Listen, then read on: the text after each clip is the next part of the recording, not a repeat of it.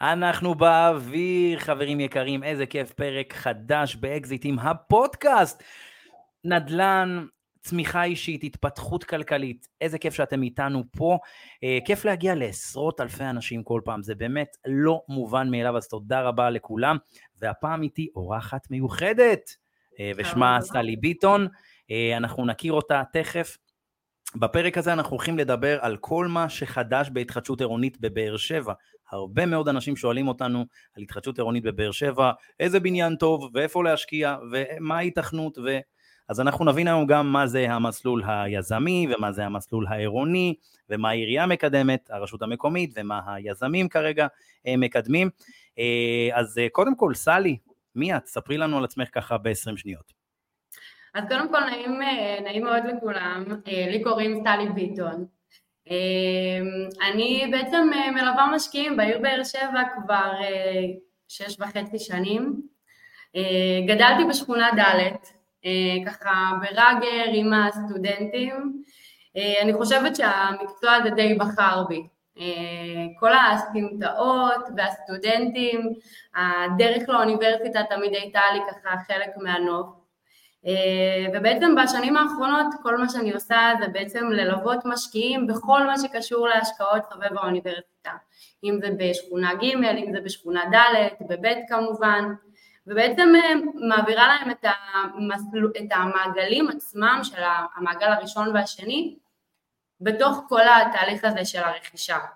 אז uh, ככה נסכם ונאמר שאז סלי בעצם מלוות משקיעים מבאר שבע, מתמחה בבאר שבע, נולדה בשכונה ד', למי שלא מכיר, שכונה ד' וג' הן אה, שכונות אה, מובהקות עבור משקיעים, אפשר לומר כבין 80 ל-90 אחוז מהאנשים שבעצם יש ברשותם נכס בשכונות האלה הם משקיעים, שזה מספרים מאוד מאוד גבוהים. מה, מה לפי דעתך הפך את שכונה ג' וד' לאהובות במיוחד על ידי משקיעים? תראה, קודם כל חשוב להבין שעל שכונות ג' וד' עד היום, עם כמה שעברו המון המון המון שנים, יש סטיגמות מאוד קשות.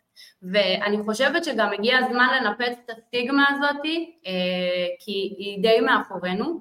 אני חושבת שמה שגרם לשכונות האלה להפוך להיות באמת העוגן שלנו ברמת ההשקעות, זה הקרבה לאוניברסיטה ולבית החולים סורוקה. זאת אומרת, דירות שהן נבנו אי שם ב-1960, 70, אה, בנייה שהיא יחסית מאוד ישנה, אבל הדירות עצמן הן גם מאוד גדולות ולהשביח אותן ולמנף אותן זה הערך העיקרי בעצם של השכונה הזאת. הסטודנטים מאוד מאוד מאוד אה, אוהבים את, ה, את הדירות האלה כי מצד אחד הם קרובים מאוד לאוניברסיטה ומצד שני הם זוכים בעצם לקבל דירה מושבחת ומסודרת ומתוקתקת ככה שהם די מרוויחים את כל העולמות. במחיר סביר מאוד. כן, מאוד מאוד. אז, אז ג' וד' זה בעצם שכונות של השקעה. אה, לפני כן, אה, לפני השידור, התחלנו ואמרנו שאני אכנס לראש של, אה, של אחד שלא גר, זאת אומרת לא, לא התגורר מעולם בבאר שבע.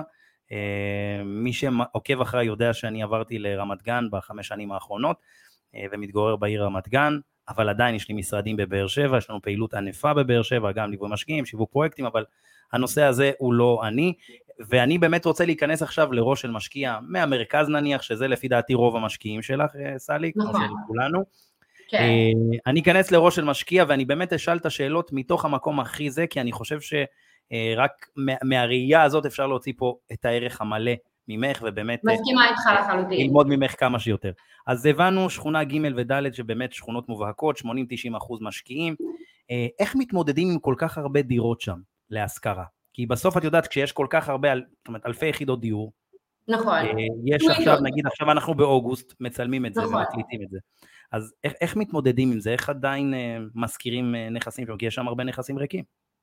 נכון, יש המון דירות ריקות היום. אמ, אין, אין ספק ש, שהיום להשכיר דירה אה, הפך להיות יחסית יותר קשה משנים אחורה, אבל משנה לשנה אנחנו גם צריכים להמציא את עצמנו מחדש, אם זה בנדל"ן ואם זה בעצם בכל תחום מחדש. עכשיו, הדירות האלה שעומדות ריקות, לרוב, תראה, גם אם תעבור במעגל הראשון לאוניברסיטה, בפריים לוקיישן, אם לפני, לצורך העניין, חמש-שש שנים היית עובר שם ודירות היו באכלוס מלא, כי דירות היו עוברות מפה לאוזן, אני יכולה להגיד לך שהיום דווקא במעגל הראשון אנחנו נראה שם הרבה פחות דירות מושכרות ודווקא במעגל השני כשהדירות עצמן הן יותר משופצות ויותר בעצם אה, מותאמות לסטודנטים דווקא הן יהיו מושכרות. עכשיו... זאת, זאת אומרת. אנחנו מבינים שהגיונית, אה, אם המעגל הוא שני, הדירה היא יותר, אה, יותר טובה, כי היא נקנתה במחיר קצת יותר זול. נכון. ואז המשקיע, אותו משקיע מאוד מאוד רוצה שוכרים, אז הוא ישכיר את זה במחיר נמוך, אז כך שבעצם, זה ההיגיון, כן? משתלם בעצם למשקיע לקנות נכס במחיר שהוא יחסית נמוך בפער, אה, אם זה למרכז ואם זה לכל אזור אחר אה, בעיר. לא, בעיקר בדרום, כי במרכז אין מה להשוות, זה מחירים אחרים לחלוטין. חד משמעית, אבל אני באמת נותנת את זה כדוגמה שלמשקיע היום באמת יותר משתלם לקנות לצורך העניין נכס של 50 מטר אה, במעגל של האוניברסיטה. מעגל ראשון או שני? מעגל השני. חשוב באמת לדייק. זאת אומרת, את יותר מדברת על המעגלים השניים, כי עדיין כאילו יש שם פוטנציאל מסוים שעדיין לא מומש. הפוטנציאל נכון? שם הוא מטורף, העליית ערך שם, אנחנו רואים אותה ממש אה, כל בוקר מחדש. אה, ומבחינת הדירות שם, אני יכולה לומר לך שאם יש בדירה שירותים ומקלחת בחדר, ורמת התחזוקה של הנכס משנה לשנה נשמרת, חד משמעית הדירה תושכר. אין פה באמת... שירותים, שירותים ומקלחת בנכס זה בעצם דירת סוויטות. דירת סוויטה. בואו נעשה שנייה אחת באמת סדר.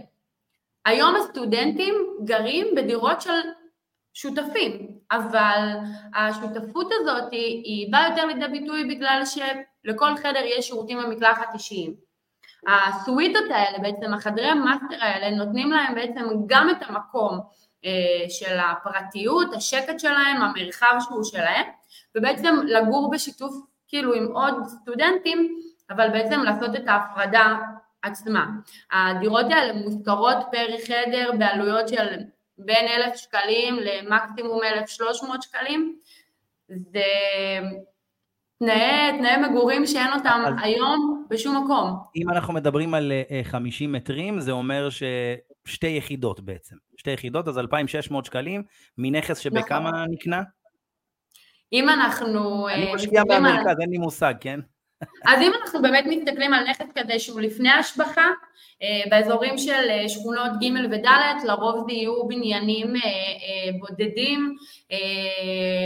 הדירות שם נמכרות סדר גודל של בין 500 אלף שקלים עד סדר גודל של 600 אלף שקלים, זה כמובן תלוי במיקום עצמו.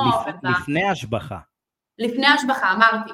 זה כן. דירות שנמכרות לפני השבחה, חד משמעית, זה מחירים שעדיין אה, קיימים פה. כמובן, השבחה של נכס בסדר גודל של סוויטות זה לא פחות מבין 100 אלף שקלים ל-125 אלף שקלים, זה כולל כמובן בפנים את כל ההשבחה של הנכס, אה, כולל החלפה של התשתיות, אה, אבל בסופו של דבר המשקיע מקבל מוצר מוגמר שנותן לו תשואה של 4.5% בשנה, ועליית ערך שהיא די בטוחה אה, עם עוגן, שהוא בעצם הסטודנטים שיש לנו בעיר. יפה מאוד. אה, איך את אה, בעצם מנצחת את הסטטיסטיקה של הדירות הריקות? כאילו, מה הרעיונות שאת יכולה לתת למשקיעים שכרגע מאזינים לנו? הם נתקעו כרגע עם דירה ריקה, ודרך אגב, שולחים לי לא מעט אנשים. בתקופה, אני מקבלת גם. אני נתקע עם זה, בוא תעזור לי. אני בטוח שגם לך, אין לי ספק. וואו, חד משמעית. איך את עוזרת להם? בואי תיתן לנו טיפים פרקטיים ממה שאת עושה. אז הטיפים הכי טובים שיש לי זה קודם כל, אה, אם הדירה כרגע ריקה, אז לקחת איזה מעצבת שהיא בתחילת דרכה, היא לא תיקח לכם על זה יותר מדי כסף, תכניסו אותה לבית, תנו לה בעצם אה, להתפרע עם הראש שלה, אה, לעשות איזושהי קוסמטיקה טובה לבית, לרענן את הצבע, להביא מנקה לבית. אה, אולי החדר מדרגות לא הכי מסודר, אולי שווה באמת לעשות שם איזשהו ניקיון. אם אנחנו מדברים על, על זה שהנכס הוא די במקום מסודר והדירה מסודרת עם home styling, אז יכול להיות שהיא קצת מרוחקת מהאוניברסיטה. אפשר אה, לרכוש לנכס קורקינט חשמלי, שזה בעצם אה, נותן לסטודנטים אה, עוד יותר פריבילגיה מבחינת הסגירה של הדירה. ויש כל מיני דברים נוספים, כמו לצורך העניין לתת להם בתוך החוזה שכירות אינטרנט. אתה נותן לסטודנט עכשיו אה, שכירות ביחד עם אה, אינטרנט ו, אה, וכבלים לצורך העניין, אתה קונה את העולם שלו. אז צריך באמת לתת לסטודנטים את החוויה ש, שהם באמת מקבלים בעל דירה שדואג להם. ואם אנחנו מפרסמים את הדירה עם תמונות של הדירה עוד מימים של השיפוץ, וכשהסטודנט מגיע והוא רואה דירה לא משופצת ולא מתוחזקת, והדירה עברה שתיים, שלוש או ארבע ידיים, והחדר מדרגות לא מזמין, שלא, שלא יתפלאו, כי בסופו של דבר נדל"ן עם כמה שהוא תמיד נותן לנו תשואות ומעלה את הערך שלו, עדיין אנחנו צריכים לתחזק אותו. אמ, ושם זה צריך לבוא לידי ביטוי מבחינת הבעלי דירות, זה האחריות שלהם. אה, אחלה טיפים, אז אם מסכמים את מה שאמרת עד עכשיו, להיות יצירתיים, נניח אה, לתת אה, כל מיני שירותי מעטפת שיכולים לתת ערך מוסף לדייר, זאת אומרת mm-hmm. בדמות אינטרנט אולי, שעולה לא הרבה כסף, איזה 100 שקלים בחודש, ממש, כן. משהו כזה, קורקינט, להשביח את הכניסה, נכון. להביא מהצוות ולהתחרפן על הדירה ולא, ולא להשתגע, זאת אומרת את מדברת יותר על home staging, פחות לשבור קירות. נכון, home styling, קוסמטיקה. יפה, אז יותר home staging, כאילו פשוט לעשות את, ה, את הדירה יותר שיקית, יותר, יותר מזמינה. עכשיו, נכון. מהניסיון שלך, כאשר את עושה באמת את, ה, את, ה, את השילובים האלה, את השינויים האלה, את באמת מרגישה פתאום יותר, שיותר קל להשכיר? אני, אני אתן לך דוגמה ממש מהיומיים האחרונים. אנחנו אוהבים דוגמאות פרקטיות. אז הייתה לי, הייתה לי עסקה ממש אה, אה, לפני כמה ימים, נכס במשעול ביתר, שהמיקום שלו נחשב למיקום מאוד מאוד טוב. אה, משעול ביתר, ככה רק בשביל הדוגמה, זה אה, יושב על פארק המכתש, זה פארק חדש בשכונה ד', אה, המיקום נחשב לאזור שהוא בין מעגל ראשון למעגל שני. דירת ארבעה חדרים, 78 מטר, עם מרפסת בתוך הנכס, כניסה שכולה סטודנטיאלית, יש לנו שם שתי גגות של זולה שהסטודנטים עשו, אבל הדירה לא הוזכרה במשך שנה שלמה. אף אחד מבעלי, זאת אומרת, הבעל דירה לא הצליח להבין איך יכול להיות שהוא בעצם לא מצליח להשכיר את הדירה והוא די נפל שם, מכרנו את הנכס מאוד מאוד מהר הקונה שלי, שקנתה את הבית ממש עכשיו, אה, לפני כמה ימים חתמנו שם חוזה, אה, הלכה איתי, הלכה איתי ככה רחוק עם הדמיון ובאמת נכנסנו ל home styling בבית. אני יכולה להגיד שהריהוט והאבזור שהיה שם נורא הזכיר את השנים אחורה, מזנון נורא גדול, אה, וטרינה עם שולחן, ספות חומות מעור, הבית לא היה מזמין. אין ספק שהבית לא הזמין. וברגע שהכנסנו לשם את המעצבת, היא בנתה שם תוכנית יפהפייה, הפכנו את הבית ב home styling שלו בהשקעה של 24 אלף שקלים בלבד. מה עשיתם? למה זה הספיק לכם? זה, זה הספיק לנו גם כן אה, לסלון, של שלוש מטר עם שזלונג, אנחנו מדברים כאן על אה, אה, שטיח ושולחן הסלון ועשינו שם מדף מגניב וקצת אה, טפטים כדי לרענן את הצבע של הבית, המון אקססוריז לסלון, שמנו באמת את הדגש על הסלון כדי לתת שם באמת יותר אור, לפתוח את הכניסה לבית. בחדרים גם כן הוספנו מזרונים חדשים, החלפנו את הכיסא ושולחן, נתנו שם גם יותר קוסמטיקה בחדרים מבחינת ה home styling, ואני יכולה לומר שהדירה הושכרה ב-3,750 ממש לפני יומיים. יותר מכפי שתכננתם כשהיא הייתה במצב לא וואו? הדירה, הדירה בתכנון בכמה תכננת להשכיר אותה? אני תכננתי להשכיר אותה איפשהו באזור ה-3,450, לא האמנתי שזה... הם קיבלו עוד 300 שקלים. ממש ככה. אבל 300 אה, שקלים על הוצאה של 24 אלף שקלים, כמה זה שווה לנו נגיד במכירה? עצם זה שהדירה בכלל הוזכרה, בוא, נס, בוא, בוא נשים את זה רגע על השולחן. זה שדירה במיקום מצוין ויש שם מרפסת זה מצוין, אבל אם הדירה לא מזמינה, וזה לא משנה אם זה במעגל הראשון או בשני, אם הדירה לא מזמינה ולא עונה באמת על הדרישות של הסטודנטים, הם לא יגורו שם. וזה שנכנסו לשם ועשו שם את ה home styling, זה גרם לסטודנט בעצם לרצות את הנכס הזה. אמ, זה באמת הסיבה שהדירה הזאת הושכרה. אבל נניח השקעתי 25-24 אלף שקלים, כמה זה שווה לי אוקיי. במכירה? אמ, זה שווה לי נגיד עוד, עוד, אני ארוויח על זה לפחות פי שתיים? מבחינת המכירה... אני לא מדבר שתיים במחיר של הדירה, במחיר של השיפוץ. שיפצתי ב-25,000 שקלים, אני אמכור אותה בעוד 25,000? חד משמעית. יפה, זאת אומרת, אני אה, אחזיר את הכסף שלי ואני ארוויח עוד 25 לפחות. אם אנחנו מסתכלים על המכירה בעוד שנה וחצי, זאת אומרת, אם אנחנו אומרים, אוקיי, בוא נחכה עכשיו שנה וחצי אה, בעצם כדי למנוע את השבח, הדירה הזאת תימכר באזור ה-50-60 אלף שקלים יותר ממה שהיא נקנתה. רק בעצם זה שהיא בכלל הוזכרה בסכום לא, אז, הזה. אז מה, הנקודה שבאתי להבהיר פה זה העניין של כמה חשוב שלפני שאנחנו עושים שיפוץ או השבחה, לחשוב האם ההשבחה הזאת בסוף היא תחזור, ב, ב, זאת אומרת, בזמן שאנחנו רוצים למכור. ותסתכלו ברור. על העניין של המימוש ברמה של ההווה. זאת אומרת, אני עכשיו משפץ בעשרה שקלים, אני תמיד אומר נגיד לאנשים, תראה, אם אתה עושה השבחה של עשרה שקלים, מחר אני יכול למכור לך את אותו שיפוץ ב-25 שקלים. ואז זה גם נותן הרבה פעמים ביטחון לאותו משקיע שהוא באמת הוא עושה תהליך נכון. כי את נכון מסכימה איתי עכשיו שלא נכון לשפץ עכשיו ב-300 אלף שקלים ואתה תקבל עוד 300 שקל בהשכרה. זה לא כלכלי. לא. זה לא זה כלכלי. לא כלכלי, כי גם במכירה, במימוש, אני לא אקבל את הסכום הזה בחיים. גם אם יהיה לי יהלומי צריך להתאים את השיפוט לנכס עצמו ולשקול העתידי שלו. זאת אומרת, יש לי לקוחות היום נניח שהדירה שלהם עמדה ריקה במשך שנה שלמה, אה, כי הם באמת דרשו סכומים מאוד גבוהים. אז השנה לצורך העניין הסברתי להם שיכול להיות שאנחנו נצטרך להתגמש מעט אה, במחירים, קודם כל רק בשביל להחזיר את האוויר לחשבון בנק. אה, שנה הבאה נחליט שאנחנו רוצים להוציא את הנכס למכירה, נוציא את הדיירים הנוכחים, נעשה באמת רענון לבית, נשקיע עוד 5,000 שקלים, נשכיר את הבית בסכום גבוה יותר, ואז נוכל באמת להגיד, אוקיי, מפה אנחנו יכולים לדרוש את המחיר הגבוה יותר לשוק. בוא נדבר אה, קצת על המכתש. אה, אנחנו רואים וואו. את זה גם, ב... את רואה גם את זה על המסך. בטח. אה, והנה בוא נראה אולי סרטון קצרצר שימחיש לנו בעצם, בוא נראה, נקווה שהסרטון יעבוד או שלא. לא, הוא לא עובד. אבל המכתש, חבר'ה, ככה הוא נראה. ככה הוא נראה לפני כשלוש שנים, היום הוא במצב אחר לחלוטין. סלי, בינתיים תדברי, אני אמצא דברים מעניינים על המכתש. אני רואה שהסרטון לא עובד.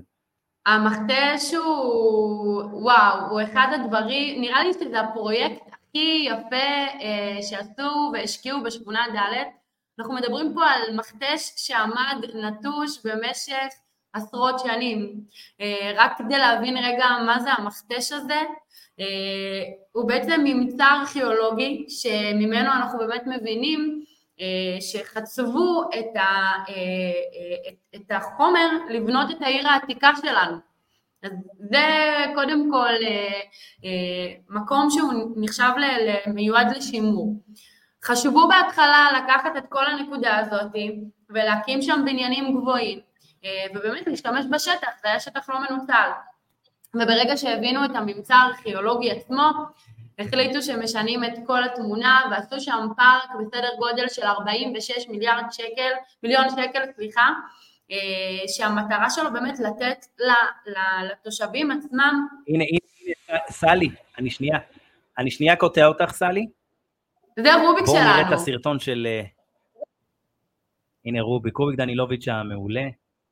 נכון. אה, חבר'ה, בואו תראו מה...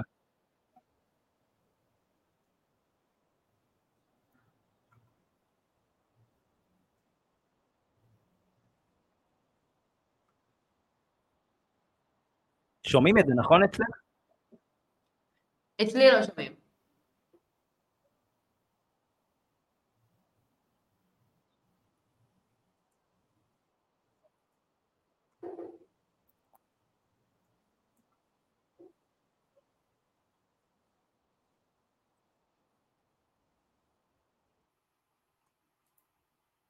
רוביק, רוביק האלוף, האמת. רוביק... אה, רוביק הוא באמת אה, חד משמעית. רוביק עושה דברים באמת מדהימים. אה, ויש איזה, זה, את יכולה בינתיים להמשיך לדבר על המכתש. מה קורה עם נכסים ככה סביב המכתש? תני לנו להבין מה קורה שם מבחינת מחירים, כמה באמת מבוקשים, זאת אומרת, הנכסים שם היום. תראה, כשבנו את פארק הסופרים לצורך העניין, שפארק הסופרים בעצם אה, אה, זה פארק שנמצא בלב שכונה ב', הוא ממש חוצה את כל שכונה ב', אף אחד לא הבין את, את הבאז המטורף שהולך להיות מאחורי הפארק הזה. תוך בערך חודש מהרגע שה, שה, סליחה, שפארק הסופרים באמת סיים את הבנייה שלו, נהיה שם טירוף, סטודנטים הגיעו לשם מהבוקר עד הערב, התחילו לפתוח שם כל מיני בתי קפה, אמ, ובעצם כשסיימו עכשיו את, ה, את המכתש, אני חושבת ש... איזה וייב יש שם, דרך אגב, בפארק הסופרים. זה בדיוק מה שבאתי לומר. אם מגיעים לשם בערב וזה, זה מהמם שם. הווייב הזה ש, שקיים מאחורי המכתש, לא יורד מהרמה של פארק הסופרים. עכשיו תקשיב, אני כל על ערב... זה משלמים כסף בסוף הסטודנטים, חבר'ה. ועל זה... עזבו. אתכם מעגל, ובסוף סטודנטים רוצים וייב סטודנטיאלי. אם יש לכם. וייב סטודנטיאלי, הם היו מוכנים לשלם הרבה כסף. בדיוק. אם לפני שלוש שנים הייתי אומרת לכם, שמעו משקיעים יקרים, סטודנטים יקנו לכם דירה אה, כמה שיותר קרובה לאוניברסיטה, היום זה כבר לא שם. היום סטודנטים מחפשים לגור ליד פארקים, ליד ליד באמת אזורים שנותנים להם אה, אה, את המרחב הזה, את הנוף המטורף הזה. אה, והמחדש... מה את אומרת שנציג את זה שנייה? מה, מה? תמשיכי, אני אציג, בינתיים זה, אני אציג את זה פשוט לשנייה את, ה, את הסרטון המאמן, למי שצופה ביוטיוב, מי, ש, מי שמקשיב לנו בספוטיפיי או באפליקציות אה, השונות, יצטרך לראות את הסרטון ביוטיוב, אה, אבל אה, כמו שאתם רואים, הסרטון באמת, זה בעצם פארק המכתש, אפשר לראות פה פארק מאוד מאוד גדול, זה בשכונה ד', מי שמכיר, זאת אומרת מגדלי, מגדלי הנוף בעצם צופים למכתש. תביני שגם הנוף של המגדלים עכשיו הוא פשוט הפך, השביח את עצמו משמעותית, תבינו. מגדלי נוף עד לפני שלוש-ארבע שנים לא היו נחשבים יותר מדי ברמה שלהם, בואו בוא, בוא נדייק את הדברים. נכון מאוד, והיום הם הפכו, המחירים שם עלו בזכות הדבר הזה, משמעותי. אז בדיוק פה זה בא לידי ביטוי העליית ערך. דווקא מגדלי נוף שלא היו נחשבים לאזורים. על הדעת לקנות, אה, על הדעת לקנות את, ה, את הנכסים בזמן הנכון. זאת אומרת, מי שקנה את הנכסים מסביב למכתש לפני 4-5 שנים, שבאמת ראה תוכניות ותב"ע, אז עשה את הבוננזה כמו כל המשעולים האלה, משעול בית"ר וכאלה. טוב, אני שוכח שאני נכון אה, לא באר שבע, אני לא באר שבע, אני לא באר שבע, אני רוצה להיכנס לראש של המשקיע, ללמוד יותר. אה, אז זהו, אז ככה מבחינת אה, מחירי שכירויות באזור של המכתש, מה אנחנו מדברים? אמ, אנחנו יכולים לראות את זה בשתי, בשתי אופנים, יש את הדירות ארבעה חדרים שיושבים לנו בעצם על האזורים של אה, משעול מודיעין, יודפת וביתר, שזה בעצם אה, מעין אה, רחבה שנקראת המשעולים, היא יושבת ממש בגב של המכתש, שם אנחנו רואים זינוק מטורף מבחינת השכירויות, אבל שם בעצם מדובר על דירות ארבעה חדרים. אה, אז אנחנו נראה שם דירות שמושכרות בין 3,300 לאפילו 4,000 שקלים בחודש, לדירות ארבעה חדרים בלבד.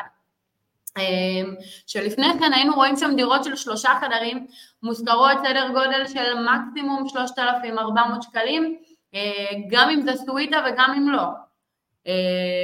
והיום באמת אם אנחנו מסתכלים על הרחוב שמקביל, שהוא באמת הפרונט של המכתש, שזה רחוב רבי עקיבא. וזה רחוב שהוא ממש אה, אפילו אה, יקר לליבי, זה רחוב שאני מאוד מאוד אוהבת. הרחוב הזה לצורך העניין, אנחנו נראה שם המון דירות אה, יחסית קטנות של שתי סוויטות. שימו לב, בעצם... למי שצופה ביוטיוב, סליחה שאני קוטע אותך, למי שצופה ביוטיוב, שימו לב שכמובן מי שמאזין לנו בספוטיפיי ממליץ בחום לפתוח ביוטיוב ואז להרגיש יותר את החוויה, כי היום זה באמת נכון. דברים שקשורים בכתובות וכאלה, אז ככה שבאמת אה, תוכלו לקבל כמה שיותר ערך. כמו שאתם רואים, פה אנחנו מדברים, פארק, פארק ד', פה זה פארק המכתש, אפשר לראות פה פיצה פאי, זו פיצה מאוד מוכרת אה, בבאר שבע, אה, שמעון בר גיורא זה גם אחד מהרחובות שיש שם הרבה מאוד סטודנטים. הנה אתם רואים פה משעול ביתר, מה שבעצם סלי כרגע דיברה, זה ממש האדום הזה. רחוב שמעון בר גיורא היום הפך להיות מעגל ראשון, סתם כדי שנדייק את זה. זה היה נחשב לסופר מעגל שני. רק כן, בזכות המכתש. זה מדהים שגם המעגלים משתנים בהתאם בעצם ל... אה, בהתאם לווייבים הסטודנטיאליים. זאת אומרת, עד לפני ממש. נגיד 4-5 שנים, המעגלים היו די תקועים אה, בהקשר לקרבה לאוניברסיטה מבחינת ממש קילומטראז'ים, זאת אומרת, כמה שיותר קרוב. אז היום, זאת אומרת, זה יותר וייבים, כי נגיד פארק הסופרים הוא לא כזה קרוב יותר מדי. נכון. אבל אנשים רוצים את האווירה ואת הווייב, אז כאילו, מי שרוצה סטודנטים, קהל סטודנטיאלי, פשוט תלכו ברגל ותראו, סטודנטים, תרגישו את הווייב שלהם, שם אתם יכולים לשים את הכסף שלכם במידה וקהל סטודנטיאלי מעניין אתכם. תמשיכי סלי. אני, אני תמיד ממליצה, אני תמיד ממליצה באמת אה, למשקיעים כשהם מגיעים לבאר שבע, אה, לחוות את, ה, את הסיור בשתי הרגליים. אני תמיד מכינה אותם לזה שאנחנו נראה אמנם הרבה דירות, אבל אנחנו גם נלך המון ברגל. אה, תוך כדי הסיור אני תמיד עוצרת את הסטודנטים שעוברים לנו שם על הדרך, שואלים, מדברים, באמת מקבלים את, ה, את החוויה של הסטודנטים. אה, וסטודנטים מחפשים באמת היום יותר מהכל את, ה, את הפארקים האלה, את הפארקים הציבוריים האלה, שייתנו להם באמת את האופציה לשבת עם הלפטופ אה, בבוקר ובערב הפריסבי, לשחק שם ולתת לכלבים להשתולל. אה, שכונות ג' וד', אני חייבת לציין שהן מקבלות היום אור שלא ראינו באמת בהמון שנים אחורה, אבל בחמש-שש שנים האחרונות ההתפתחות שלהם אם זה מבחינת העירייה עצמה, אה, העירייה משקיעה מיליארדים בפיתוח. סלי, אני רוצה לשאול אותך שאלה מקצועית, את מכירה את השטח טוב. אה, סתם, זו שאלה של משקיע תל אביבי שככה לא מכיר. שוט. אה, משעול ביתר, אנחנו רואים פה, אנחנו במדלן, אתר הכי פשוט. משעול ביתר אנחנו רואים בביתר 6, אנחנו רואים שדירה נמכרה ב-950 אלף שקל, בביתר 2 אנחנו רואים ב-790. מה זה הפער המטורף הזה? מה קרה? תראה, למה אמ, פערים כאלה גדולים במשעול ביתר? תראה, אנחנו קודם כל צריכים להבין שמדובר אה, גם בהפרש של שנה. בואו נסתכל על זה שנייה אחת.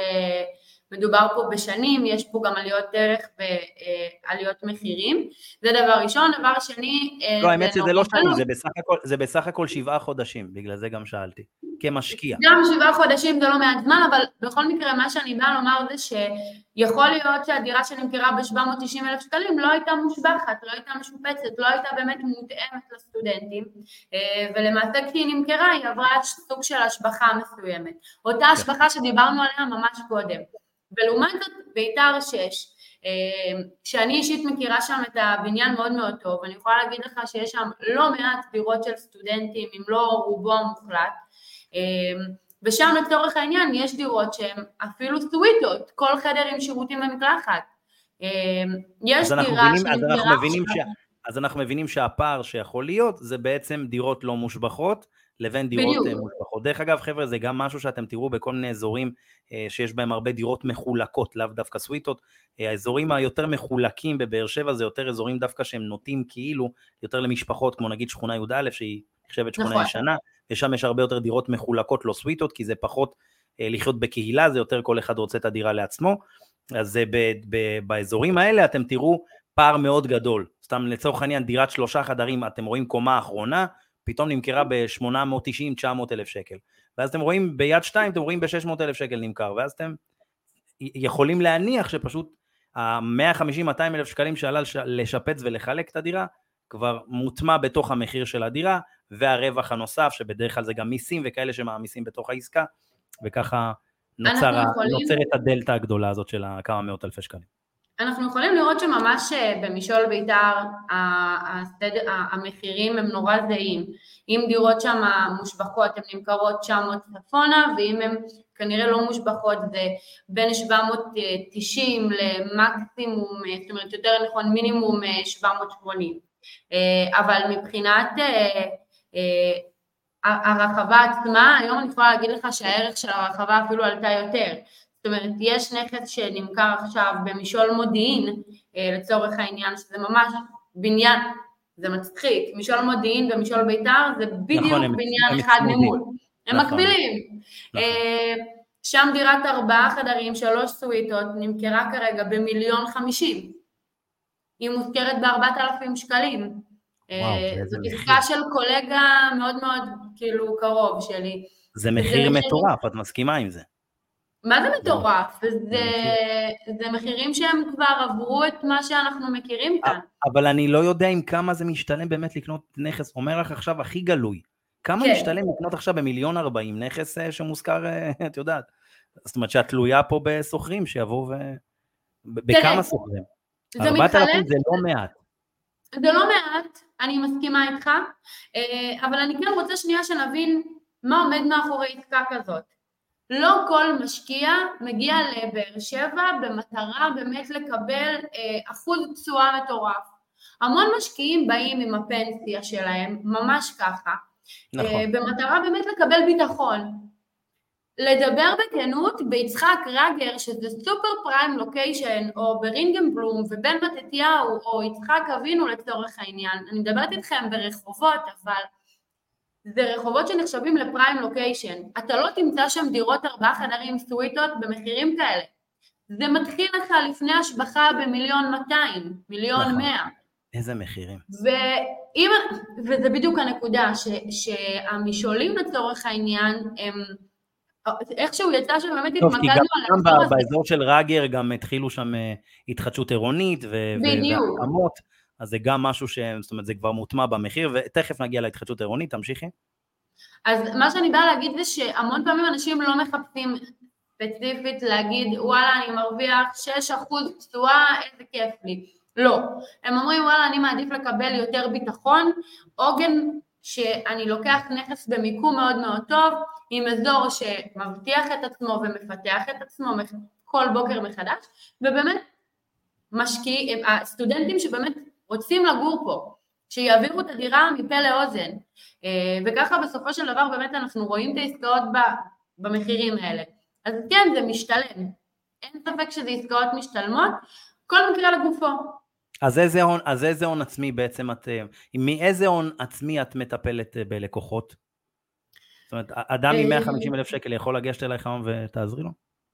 בבאר שבע אין מה לקנות עם הון עצמי של 150 אלף שקלים, אנחנו צריכים כבר אה, להיות ריאליים אה, למציאות שלנו, יכול להיות שלפני ארבע שנים בשמחה הייתי מוכרת להם שתי סוויטות, אפילו ככה מוכנות, עובדות, אה, כי אז הדירות שלנו נמכרו אז ב-630, 640, עם 75 אחוז משכנתה זה, זה יחסית עוד אפשרי. היום בשביל לקנות שתי סוויטות אתה צריך מינימום 220-250 אלף שקלים, ואם אנחנו יוצאים מנקודת הנחה כמובן שזה 75 אחוז מהמימון של הבנק, זאת אומרת של משכנתה. כן. אמ, היום, אה, היום המחירים עלו פה בצורה מאוד מאוד גבוהה. הבנתי. אז אם את אומרת 200 200 אלף שקל, זה אומר אה, בחישוב אה, גס זה 800 אלף שקלים. זאת אומרת, את ממליצה לאנשים להגיע עם סביב ה-800 אלף שקל בשביל לעשות עסקה טובה. אמ, ש- תראה, אם אנחנו מתייחסים שנייה אחת גם להוצאות הנלוות, כמו התיווך, העורך דין, השמאות, אה, וכמובן אני תמיד ממליצה לקחת גם יועץ משכנתאות, אז כן, אנחנו יכולים לדבר על אה, עסקאות שיגיעו גם ל-760, 770, אמ, אבל אם אנחנו שנייה מסתכלים רק על העסקה עצמה, אז בשביל להגיע לעסקה של עד 700, 720 אלף שקלים, אני ממליצה להגיע עם מינימום 200 אלף שקלים כדי, כדי, לא, כדי לא לשלם פה ריביות מאוד מאוד גבוהות, כי זה הכל אה, כמובן תלוי בהון העצמי שלך. אה, ככל שתגיע עם הון עצמי זה, יותר... אם זה דירה ראשונה, אם זה דירה ראשונה, זאת אומרת, אם, אם דירה ראשונה, 720, זה אומר שאני צריך להגיע מהבית עם אה, 180 אלף שקלים. אז את אומרת, כן. מת- 200 אלף זה גם תכלס גבולי, כי יש פה את העניין של התיווך, ליווי, כל הדבר הזה, שזה גם עלויות. אז אני בעצם, מתכוונת שה-200 זה לפני ההוצאות שמסביב. כן, בדיוק. זאת אומרת, ה-200 זה ההון כן. העצמי. כן, אה, כי אחרת המשכנתה לא משתלמת, למרות שתמיד ניתן לעשות מחזור. רגע, אבל מה עם הדירות הזולות שמציעים לי ב-400-450? אה, זה נשמע לי מאוד מפתה. אם אתה לא מגיע, תראה, לעשות השבחה לנכס אתה צריך הון נזיל, ואם אתה מגיע עם 200 אלף שקלים, אה, בעצם שזה ה-25 אחוז ההון הראשוני שלך, אז השבחה לא באמת תעזור כאילו, אין פה אופציה להשבחה. אה, כי לא. אם אני לא רוצה להשביח ויש נכסים של 400-500, זה מה שראיתי ביד 2, אז מה, מה את עושה עם לקוחות כמוני שאת ממליצה לנו לקנות במחירים כאלה זולים? לא. שאת אומרת, זה מסוכן, עדיף ש... רוב הדירות שנמכרות... יהיה פה סיכון להשכיר את הנכסים. ו... דירות כאלה שנמכרות ב-450-500 הם נמכרים במגדלים אה, הוותיקים יותר שיש לנו בשכונות אה, ג' וד', אה, אם זה יד ושם 24, אם אנחנו מדברים על אליהו הנביא 2, אם אנחנו מדברים... אליהו הנביא המהולל. בדיוק, ובסופו של דבר אנחנו לא... לא... והשלום, לא 50, והשלום 56. השלום 56, תראה, השלום 56, השלום 56, אם שנייה אחת נגענו בו, אין בו הרבה סטודנטים, אבל הוא גם לא איזשהו מגדל אה, מפוקפק, זאת אומרת, אה, ביחס לשני המגדלים שהצגתי כרגע. נכון. שם נכון. אנחנו דווקא נראה יותר אוכלוסייה מבוגרת שקנו שם כדי לגור אה, ולהשתקע. אבל שני המגדלים שדיברתי עליהם כרגע... גם אחלה מיקום, קרוב לאורות. נכון, ו...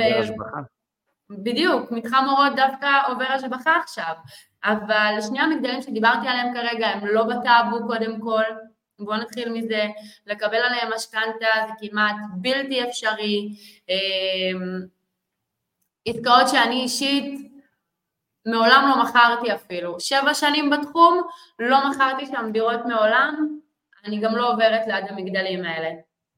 כן. טוב, בסדר, כל אחד ואת יודעת, זה לפי הצרכים בתכלס, אבל אני מבין, אה, מבין מה את אומרת. וטוב, אחרי שדיברנו וסקרנו את כל, ה, את כל העניין של היד שנייה אה, בשכונות ג' ד', שבאמת הן שכונות אה, מובהקות למשקיעים, זה האזורים שאת בעצם מתמקדת בהם, נכון? פחות שכונות אחרות. כן, חד משמעית. זה, אני גדלתי שם, זה חלק ממני. אז גדלת שם ואת מכירה היטב מצוין. אז בואו, בואי נגדל לתוך ההתחדשות העירונית. גילוי וואו. נאות, גילוי נאות ככה על עצמי, אני בשנת 2017 ניהלתי ארבעה מתחמים בשכונה ג', כל מיני מתחמים וואו. של התחדשות עירונית, משהו כמו, הנה לא ידעת, את רואה עוד נתון שלא ידעת עליי, משהו כמו 450 יחידות, 450 יחידות דיור, הגענו שם לאחוזי החתמה מאוד מאוד יפים.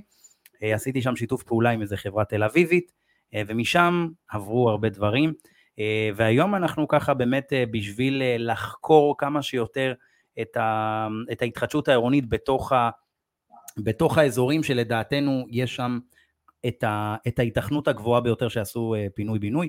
בשכונה ג' יש את הפרויקט פינוי-בינוי הכי גדול, שחלק ממנו, אם אתם מכירים, זה מגדלי דוד, ממש צופים לבית חולים, שלושה מגדלים.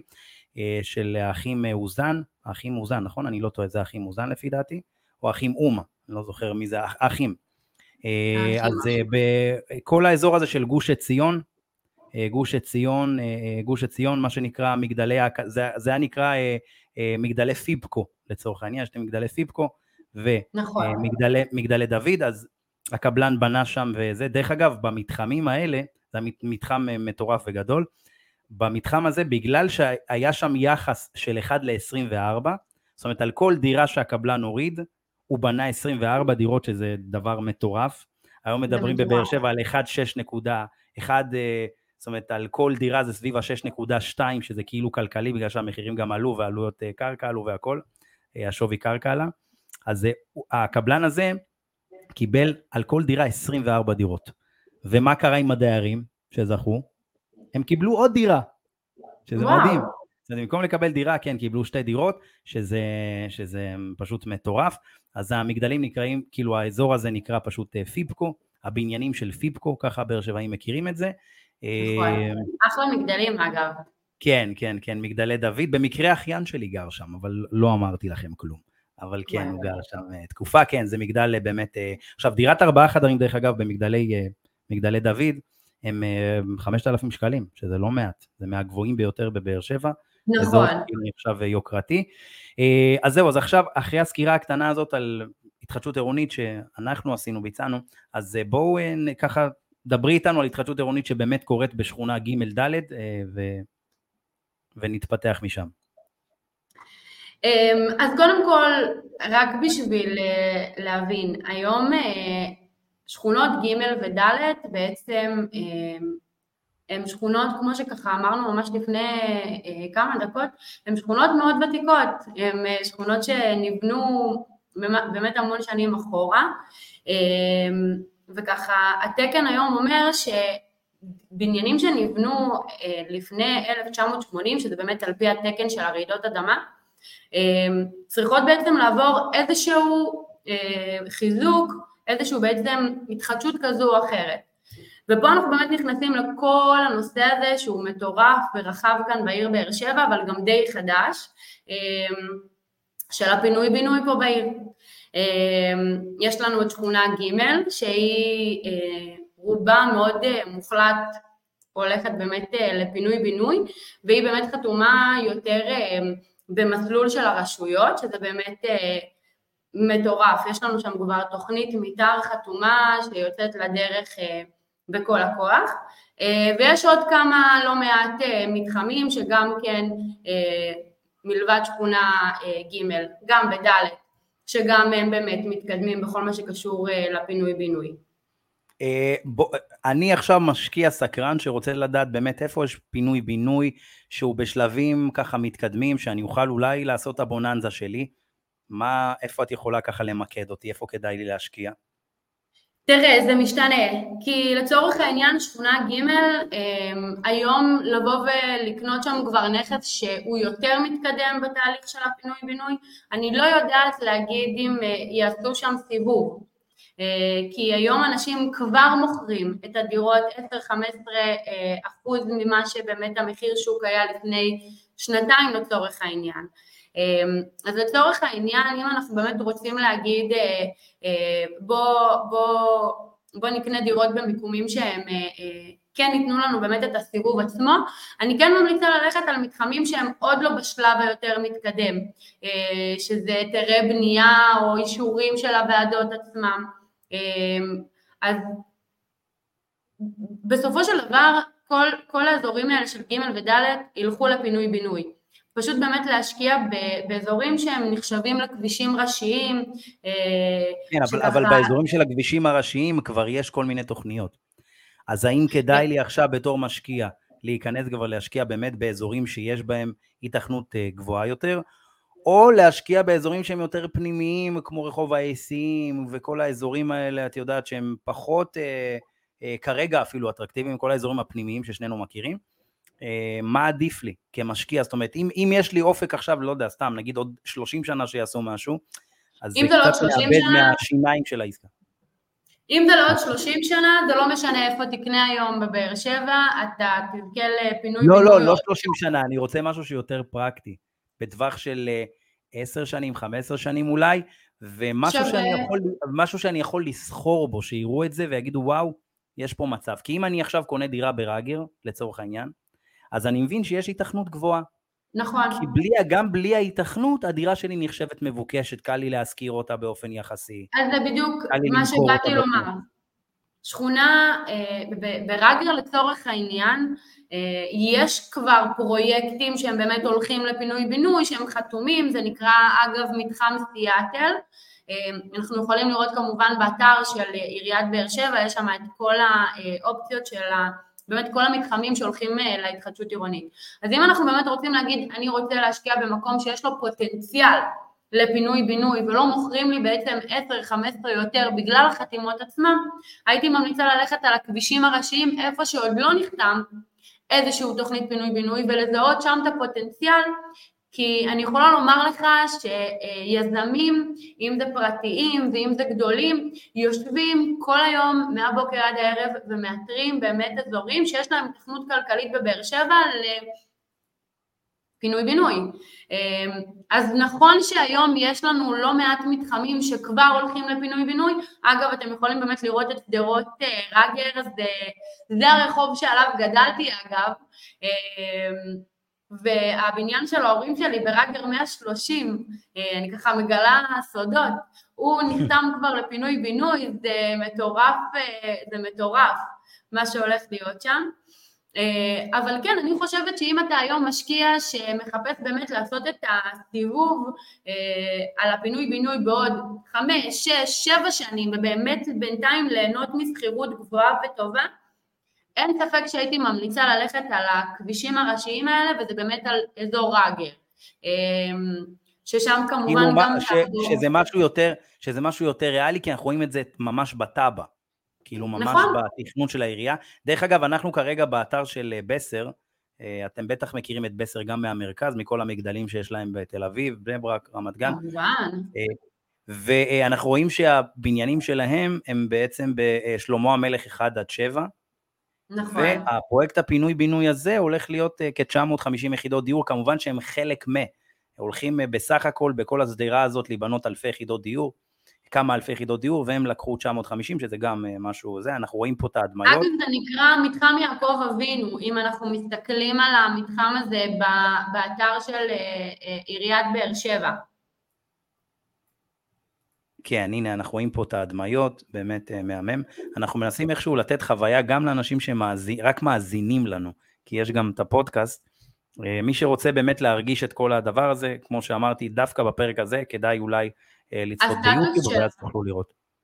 הסטטוס של המתחם הזה, אה, חשוב באמת להגיד, הוא מאוד מאוד מתקדם, זה כבר ממש אה, לקראת דיון להפקדה בתמ"ל, שזה בעצם כן, הוועדה... כן, זה כבר עבר, נכון, בדיוק. בדיוק, זה מאוד מאוד מתקדם, זה פרויקט שצריך לספר עליו, שדווקא מי שיזם אותו זה הדיירים עצמם.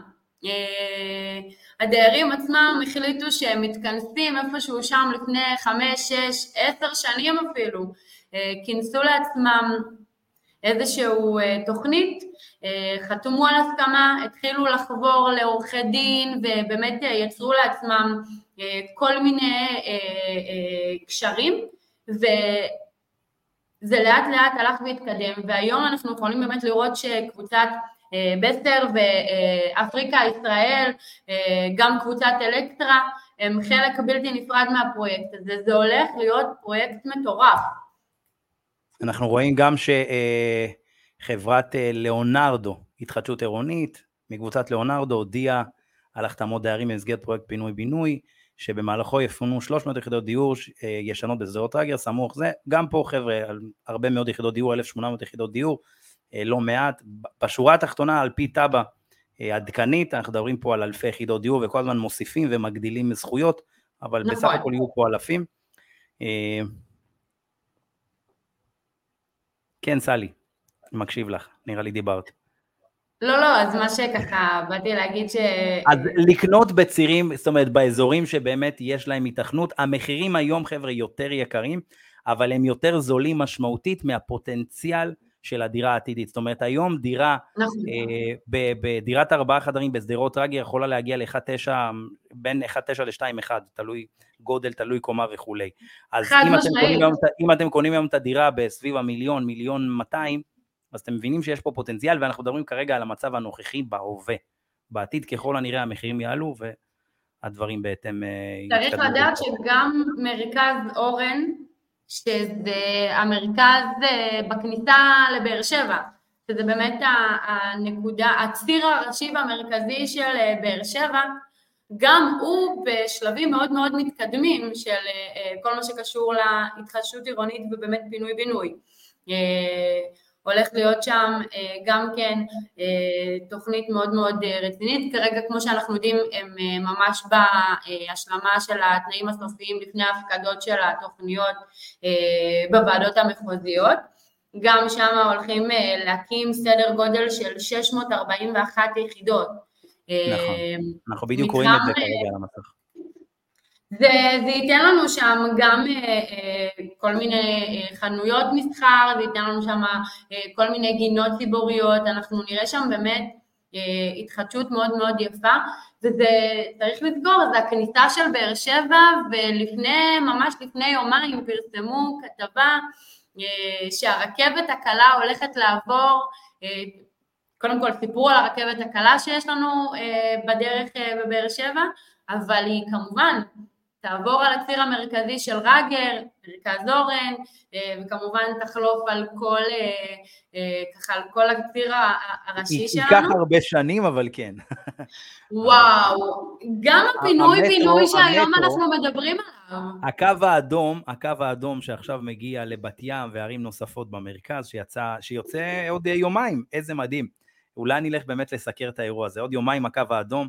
אה, של, של קווי המטרו בגוש דן התחיל, מתחיל בעצם לפעול, והם התחילו ב-2015, נתנו את האות, זאת אומרת שמונה שנים, והם תכננו שהקו הזה אה, אה, יעלה ב-2021. את מבינה? אז כאילו באר שבע ייקח שנים, אבל, אבל כרגע אנחנו רואים באמת אה, קבוצות מאוד רצינויות, אה, יזמיות, כמו שסלי אמרה, חברות כמו בסר שהראיתי לכם, וקנדה ישראל, חברות מאוד מאוד רציניות, כמובן שיכון ובינוי, והרבה מאוד חברות יזמיות רציניות מגיעות לפה אה, ורואות בבאר שבע אה, כ... אה, כתנופה אדירה לעסקים שלהם, זה משהו שאומר הרבה מאוד על העיר וכמובן על ראש העיר, הם מאמינים פשוט בעיר. באר שבע היא עיר מטרופולינית, בסופו של דבר האוניברסיטה נותנת לנו פה טון מאוד גדול מבחינת, האוכלוס... מבחינת האוכלוסייה העתידית. אה, מעבר לזה שבאר שבע, אני לא יודעת אם אה, ככה יודעים את הנתון הזה, אה, אבל באר שבע היא עיר ש-50 מה... סליחה, כן, 50 מהתושבים שלה מתחת לגיל 40. זאת אומרת, היא עיר מאוד צעירה, אה, ואוניברסיטת בן גוריון היא ממש עוגן מאוד בטוח בשבילנו, אבל צריך גם לזכור שיש לנו את קריית התקשוב של צה"ל, שנבנית ממש אה, בגב של פארק ההייטק ושל אוניברסיטת בן גוריון, זה נקרא היום קריית החדשנות של ישראל. אה, לא סתם כל הפרויקטים האלה של הפינוי-בינוי קמו על השולחן ונהיו כל כך אטרקטיביים. אה, זה בעיקר בגלל שאנחנו מצליחים היום להבין שהמרכז כבר לא נשאר איפה לבנות שם. מיצו שם באמת כל סנטימטר של אה, בנייה. ודווקא הנגב והדרום היום הוא המקום היותר נכון מבחינת בנייה, התרחבות. אה, ושוב אני חוזרת לקריית התקשוב של צה"ל, אנחנו מדברים על בסיס צבאי בבאר שבע, שהולך אה, אה, לתת לנו עוד 6,300 חיילים ואנשי קבע, אבל גם לתת לנו את הטייטל המבורך הזה של בירת הסייבר של החצי הכדור המזרחי. באר שבע היא עיר מאוד מאוד מאוד מטרופולינית, מתקדמת. נכון שאם אנחנו מסתכלים עכשיו על באר שבע בעוד שנה, שנתיים, כל התוכניות של הפינוי-בינוי עדיין יהיו כתוכניות. אה, ייקח לא מעט שנים אם אנחנו באמת אה, אה, מדברים על כל הפינוי-בינוי שקורית פה בעיר. אבל אם אנחנו מסתכלים לטווח של העוד עשר שנים קדימה, אני יכולה להגיד שבאר שבע הולכת לשנות את הפנים שלה מקצה לקצה, וזה לא משנה איפה ישקיעו היום בבאר שבע, אם זה בבית, אם זה בג' או בד', גם בי"א. אה, בכל מקום שישימו היום את, ה, אה, את ההשקעה, בעוד עשר שנים אנחנו נראה באמת את, ה, את המחירים מזנקים בטירוף. אמ, טוב, מקודם דיברנו על ההתחדשות עירונית בשכונה ג' שהזכרתי, משהו כמו 400 יחידות דיור. האחים נכון. שבנו שם היזמים נקראים האחים אוזן. נכון. התלבטתי אם זה אחים אום ואחים, או אחים אוזן, בסוף זה אחים אוזן. הם בנו שם כ-400 יחידות דיור. תביני, סלי, שהיו, לפני כן. שהם באו לדיירים, היו שם 15 יחידות דיור בלבד. זאת אומרת, האזורים, השטחים שהיו בבעלות כן. הדיירים היו כל כך גדולים, שהם בעצם, לא רק שהם לקחו מתחם אחד, הרי הם לקחו גם בגוש עציון את המתחם, וגם בווינגייט, הרי אה, מגדלי דוד יושבים על, על, על הקו של וינגייט. נכון. זה כאילו התמורה פה הייתה כל כך גדולה, יחס של 1 ל-24, 1 ל-24 שזה מטורף, אה, לכן היזמים החליטו להיות כמה שיותר לארג'ים, לתת שתי דירות לכל לקוח, אה, וככה פתרו בעצם את הפלונטר, כי היו הרבה מאוד שנים שהיה, שהיו הרבה מאוד ויכוחים. דרך אגב, היו גם יזמים נוספים שהיו אה, אה, בתוך התהליך הזה. הפרויקט בסך הכל יצא בשנת 2014, האכלוס הראשון היה בערך ב-2018, את בטח זוכרת, את עבדת שם חזק. בוודאי. 2018, דרך אגב, היה שם משרד אה, שיווק, אה, שאני מכיר אה, חברה טובה מאוד, ששיווקה שם. נכון. וב-2018 הם בעצם התחילו לאכלס בגוש עציון, ובערך ב-2021 התחילו לאכלס את מגדלי דוד. נכון. עדיין זה לא מאוכלס לפי דעתי במלואו, לפי מה שאחיין היקר שלי אמר לי.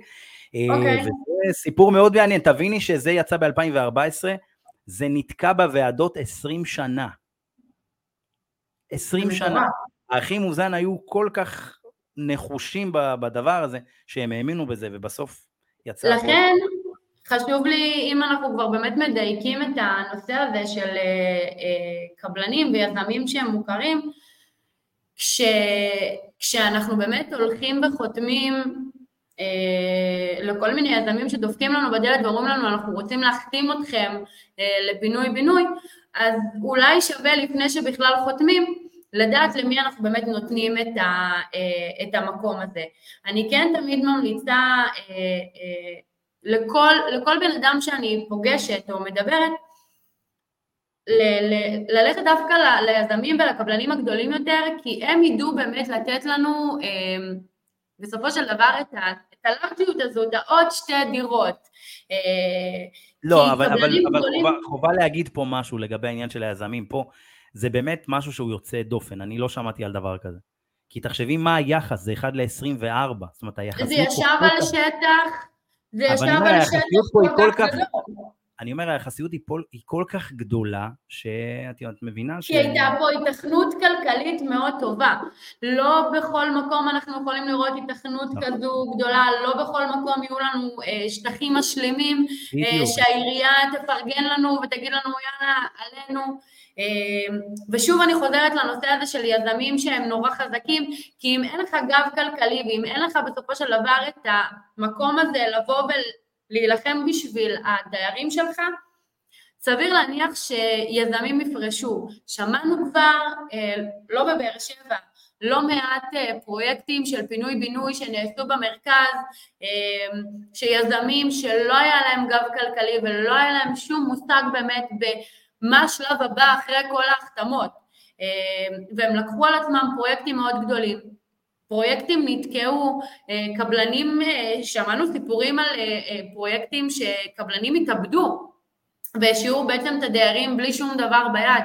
נכון. שהם מקבלים על זה פיצוי, ונכון שבסופו של דבר יש איזשהו אה, אה, פתרון לכל דבר, אבל אנחנו... בשורה התחתונה, חבר'ה, אל תחתמו על שום דבר, והיום, בשנים האחרונות, מאז שהתחילו אה, באמת לעדכן את החוקים בנוגע להתחדשות עירונית, נגיד ב-2018 יצא חוק המאכערים, חוק המארגנים, שזה חוק בעצם שבא וארגן ואיגד את התחום הזה, התחום הזה היה מאוד מאוד פרוץ, כל אדם נכון, יכל להיכנס לביתכם ולהגיד לכם אני יזם ובואו תחתמו, אז לכן החוק הבין את זה, והיום בכל עיר רצינית יש מנהלת להתחדשות עירונית, בבאר שבע יש מנהלת מאוד איכותית, אה, נכון. במקרה אני נפגשתי איתם לפני כמה חודשים, לגבי איזה משהו, התחדשות עירונית בבאר שבע, מאוד מאוד רציניים, מטפלים בכם ממש, זאת אומרת כל המטרה של ראשי הערים היום, בטח בדרום, בטח בפריפריה, זה לעשות הכל על מנת לקדם התחדשות עירונית, מבחינתם זה חלק מכל בחירה בראש עיר, זה לחדש את העיר, וזו הצלחה אדירה, לראות משהו שמתחדש. אפשר דרך אגב לזקוף הרבה גם לזכותו של רוביק, משנת 2014 ועד 2018, כל ההתחדשות עירונית, זה היה בקד... בקדנציה של רוביק, כי הוא נבחר נכון. ב-2008. אז שש שנים לאחר הבחירה שלו אפשר לומר שחלק מהדברים, אני בטוח שהצוותים שלו קידמו, אה, כי הם יצאו צריך ב-2014. לקבל בכלל אה, מקום יותר... פרס אה, נובל. להתחדשות עירונית. הוא מעבר להתחדשות עירונית, אני חושבת שראש עיר כמו שיש בבאר שבע לא קיים בשום עיר אחרת. באמת החזון שלו זה תמיד להגדיל ולטפח ולפתח את העיר הזאת, ורוביק צריך לקבל באמת את המקום שלו. אה, אנחנו נמצאים כרגע גם בעיצומם של בחירות, אז את בוחרת ברו- ברוביק, אני מבין. חד משמעית, הוא... מה? ואם הוא- אני מתחרה, את לא תבחרי בי? חוצפנית. בן, אתה זה משהו אחר. עוזר, עוזר של רוביק. אה, לא, לא, האמת שגם אם אני הייתי מתחרה, הייתי בוחר גם ברוביק. מסכימה איתך. את מבינה? זאת אומרת, רוביק הוא, זה משהו שהוא באמת אה, חסר תקדים אה, בכל קנה מידה, יש לו אחוזי... אה, הנה, אפשר לראות פה המלצה של רוביק היקר, אתם רואים? הוא היה בהשקה של הספר שלי ואני הייתי בזה, בזה, בזה של הספר שלו, מכיר את רוביק מאוד טוב. וואו, סלי, הקפנו פה הרבה מאוד דברים. הקפנו פה, עברה שעה. את מבינה, אמרתי לך שזה יעבור מאוד מאוד מהר? כן, חד משמעית זה עבר מהר.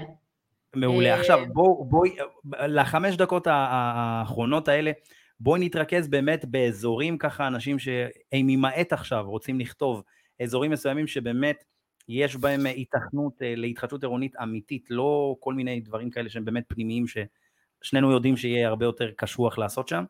אה, דברים שאת מכירה מה, מהשליטה שלך בשטח. אני חושבת ש... אז אמרנו שדרות רגר. שדרות רגר, אה, כמובן אנחנו מדברים על אה, נקודה. אני רוצה שנייה אחת להעביר לך אפילו שניונת מפה שמראה לנו באמת את, ה, את הנקודה, את הנקודות שבאמת... את, את יכולה פשוט לשתף מהמסך שלך. יש לך שם share screen? אם את זה, או שאת תעבירי לי ואני אשתף, הכל בסדר, תעבירי לי. עדיף שאתה תשתף. רק עוד רגע. אה, אנחנו עכשיו בעצם, חברים, אה, רוצים להיכנס לעובי הקורה מבחינת איזה אזורים באמת יש בהם צפי להתחדשות עירונית ממה שאנחנו מכירים. אה, כמו שאתם יודעים, אנחנו חיים את השטח כל יום, כל היום. נכון, סלי נכון. תעביר את המפה ובואו נראה ונפתח ונשתף. אז בעצם אנחנו יכולים לראות שם ממש ככה עד שתפתח את המסמך שבעצם מראה לנו את עקרונות התכנון. זה מפה שזה קצת יותר, אנחנו שנייה אחת נסתכל על הצבעים ש, שנראה שם במפה. הצבעים האלה בעצם מראים לנו... כן, תמשיכי. זה, זה ייפתח עוד רגע, תמשיכי בינתיים. אנחנו נראה, אנחנו נראה בעצם על המפה אה, ממש את ה... אה, אה, בעצם את העיר באר שבע מלמעלה, אנחנו לא נראה את זה לפי רחובות או לפי שמות של שכונות, אנחנו כן נראה את זה באמת על פי... הנה, אנחנו רואים את המפה עכשיו, אנחנו רואים את המפה, סלי. אנחנו רואים שם באמת יותר צבעים.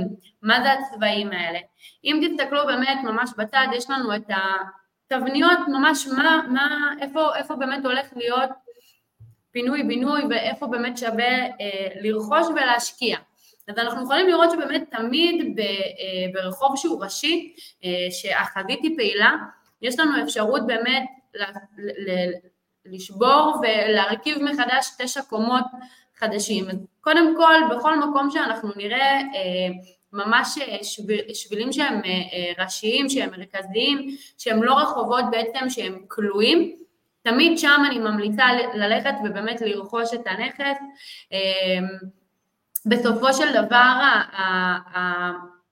העיר באר שבע, אם, אם אנחנו באמת מסתכלים עליה, היא די ותיקה, יש שם לא מעט בניינים שהם ותיקים שנבנו אי שם לפני 1980, אני ממליצה באמת לחפש בניינים שהם יושבים על צירים מרכזיים, אה, בניינים שהם לא נבנו לפני, אה, אחרי, סליחה, 1980, אה, וכמובן שלא מסומן עליהם איזשהי מבנה מסוכן, כי אז בעצם לא תהיה שום אפשרות לעשות עם הבניין הזה שום דבר. ללכת באמת או לאזורים שהם כבר חתומים לפינוי-בינוי וכבר נותנים לנו את הפוטנציאל הזה, ובאמת לחכות ש, שה, שהדברים באמת יקצו לפועל. אמ, זהו, סלי, תודה רבה. חברים, כמובן, מי שרוצה את המפה יכול לשלוח לנו פשוט הודעה. אה, דרך, ה, דרך הלינקים שיופיעו בה. אה, גם בספוטיפיי וגם כל האפליקציות הנפוצות, אפל, אפל פודקאסט וגוגל פודקאסט, וכמובן ביוטיוב פשוט לכתוב בן סולומון ולהגיע לערוץ שלי, כמובן לשים עוקב חבר'ה, ותקבלו מאיתנו באהבה גדולה את המפה וכל הדברים שרצו פה בתוכנית, תקבלו מאיתנו את כל הלינקים בשביל שתוכלו לחקור לבד אה, ו, ולהגיע למידע שאתם רוצים. אז היום ככה דיברנו על באר שבע, בעיקר התמקדנו בשכונות השקעה של סטודנטים, שזה שכונה ג' וד', דיברנו על התחדשות עירונית, דיברנו על, אה, על איך לבחור אזורים שבהם יש אה, התחדשות עירונית אה, בבאר שבע, דיברנו על חברות שכרגע מושקעות בבאר שבע, חברות שתכלס מושקעות ובאמת הן בשלבים מאוד מתקדמים, כמו בסר וקנדה ישראל ועוד חברות רציניות. סלי, איך היה לך? היה לי כיף, ממש נהניתי, נהניתי לדבר איתך, נהניתי ככה להעביר את, להעביר את התשוקה שלי ואת האהבה שלי לבאר שבע. אה, הרגישו את זה, הרגישו את זה בכל מילה. סלי, היה לי תודה רבה. היה לי סופר כיף איתך, ותודה רבה. גם לי. ואת סלי אני מכיר כבר כמה שנים טובות, אה, מכל מיני עסקאות מעניינות שאנחנו עושים בבאר שבע. אה, אז תודה רבה שבאת להתארח, היה לי באמת כיף. תודה שהערכתם אותי. באהבה ענקית. אז אני מאחל לך באמת ים של הצלחה, תמשיכי לעשות את מה שאת עושה בצורה מהממת. אה, ושתצמחי ותפרחי, ובעזרת השם ניפגש בעסקה הבאה שנעשה ביחד יזמות איפשהו בהתחדשות עירונית בבאר שבע. בעזרת השם. יאללה, להתראות. ביי לכולם. ביי ביי.